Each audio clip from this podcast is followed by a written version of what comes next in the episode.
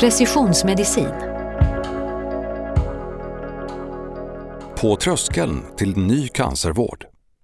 Rätt behandling till rätt patient. Med precisionsmedicin kan cancervården bli skräddarsydd för varje individ. Vi står inför en medicinsk revolution, säger Jenny Nordborg på regeringens Life Science-kontor. Ett genetiskt test som beskriver just din cancers unika egenskaper och en behandling skräddarsydd för att på bästa sätt angripa dess svagheter. Möjligheten att välja rätt behandling till rätt patient har vuxit snabbt de senaste åren. Liksom att välja bort behandlingar som ändå inte ger effekt. Från att ha behandlat alla patienter med en viss diagnos likadant blir cancervården och även exempelvis vården av ärftliga sjukdomar allt mer individualiserad. Detta kallas precisionsmedicin.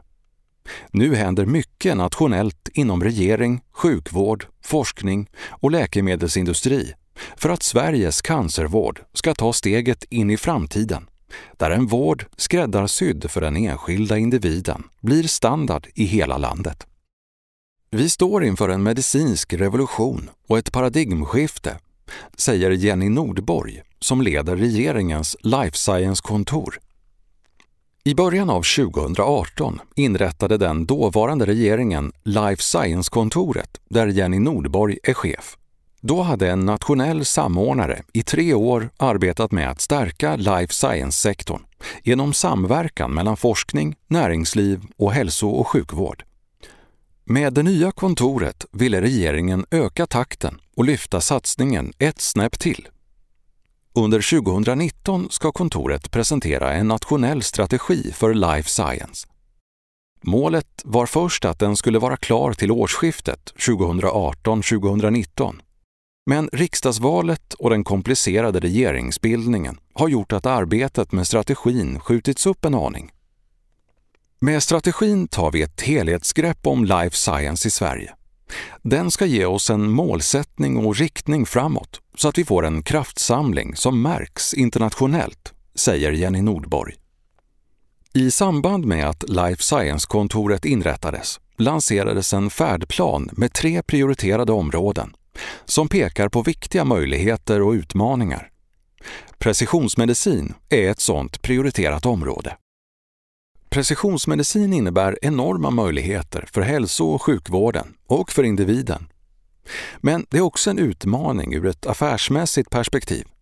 Till exempel hur de regulatoriska myndigheterna ska hantera att forskning, behandling och produktutveckling sker samtidigt och hur vi betalar för behandlingarna. Det handlar också om hur vi ska locka företag att välja Sverige för kliniska behandlingsstudier, säger Jenny Nordborg. Kärt barn har många namn. Rätt behandling till rätt patient. Det är precisionsmedicin.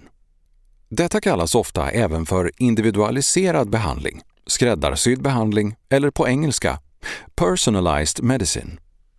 Det andra prioriterade området handlar om hur digitala data om patienter kan användas i vården och för att utveckla framtidens behandling utan att riskera patienternas integritet i kvalitetsregister för uppföljning av cancervården och i biobanker med vävnadsprover finns mängder av information om patienter som kan användas både på gruppnivå och individuell nivå eftersom alla patienter har ett personnummer. Om dessa system kopplas ihop kan den samlade informationen ge nya insikter. Det tredje prioriterade området handlar om hur forskning och innovation ska bli en naturlig del av vården hela vägen ner till lokal nivå, så att alla får tillgång till bästa möjliga vård. Dessa tre områden hänger ihop. Med precisionsmedicin kommer vi att bättre kunna behandla sjukdomar som vi inte kunde tidigare. Där ligger vi långt fram. Det vi sitter lite fast i är de andra två områdena ramverken för hur vi kan använda hälsodata och infrastrukturen för att föra ut precisionsmedicin lokalt. När vi väl hittar ett sätt att lösa de utmaningarna kommer cancervården att ta ett stort steg framåt, säger Jenny Nordborg. Vid en del diagnoser är framtiden redan här. Vissa former av bland annat bröstcancer lungcancer och spridd hudcancer behandlas redan med precisionsmedicin. De första stegen togs redan i slutet av 1900-talet. Då förstod forskare att cancer är friska celler som muterat och lärde sig hur de växer och sprider sig i kroppen. I Hugo-projektet kartlades människans DNA. Det följdes senare av en motsvarande atlas över våra proteiner som visat sig spela en viktig roll i många nya behandlingar. De första målstyrda läkemedlen såg dagens ljus kring millennieskiftet. Fler och fler markörer som pekar på vilken behandling som har störst chans att lyckas för en viss patient har upptäckts. Parallellt med den medicinska utvecklingen har det skett tekniska framsteg. Bland annat har det blivit möjligt att göra de genetiska analyser som ligger till grund för diagnos och val av behandling allt bättre, snabbare och billigare. Man har börjat prata om att cancer kan bli en kronisk sjukdom, något vi kan leva med, ungefär som diabetes. Det har också väckts hopp om att vissa former av cancer kommer att kunna botas helt. Efter att fokus hittills framför allt har legat på att utveckla nya diagnostiska metoder och behandlingar flyttas blicken nu till förutsättningar för hälso och sjukvården att använda precisionsmedicin i den dagliga vården. Tidigare regeringar har utöver kontoret på regeringskansliet lanserat flera initiativ de senaste åren. 2010 började forskningscentret SciLife Lab byggas upp för storskalig molekylärbiologisk forskning och 2013 utsåg regeringen den till en nationell resurs. 2014 startade det strategiska innovationsprogrammet SweLife finansierat av Vinnova som ska stödja samverkan mellan akademi, näringsliv och hälso och sjukvård. Vinnova finansierar även Genomic Medicine Sweden, GMS, som startade 2017 GMS uppdrag är att skapa den infrastruktur som behövs för att introducera precisionsmedicin i hälso och sjukvården på ett likvärdigt sätt i hela landet. Hösten 2018 inrättade den förra regeringen en kommitté som ska lyfta teknikutvecklingens utmaningar och skapa förutsättningar för att snabba på användningen av ny teknik vid bland annat precisionsmedicin.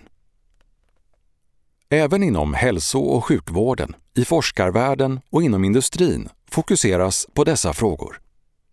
Jag har sett många lovande initiativ, säger Jenny Nordborg.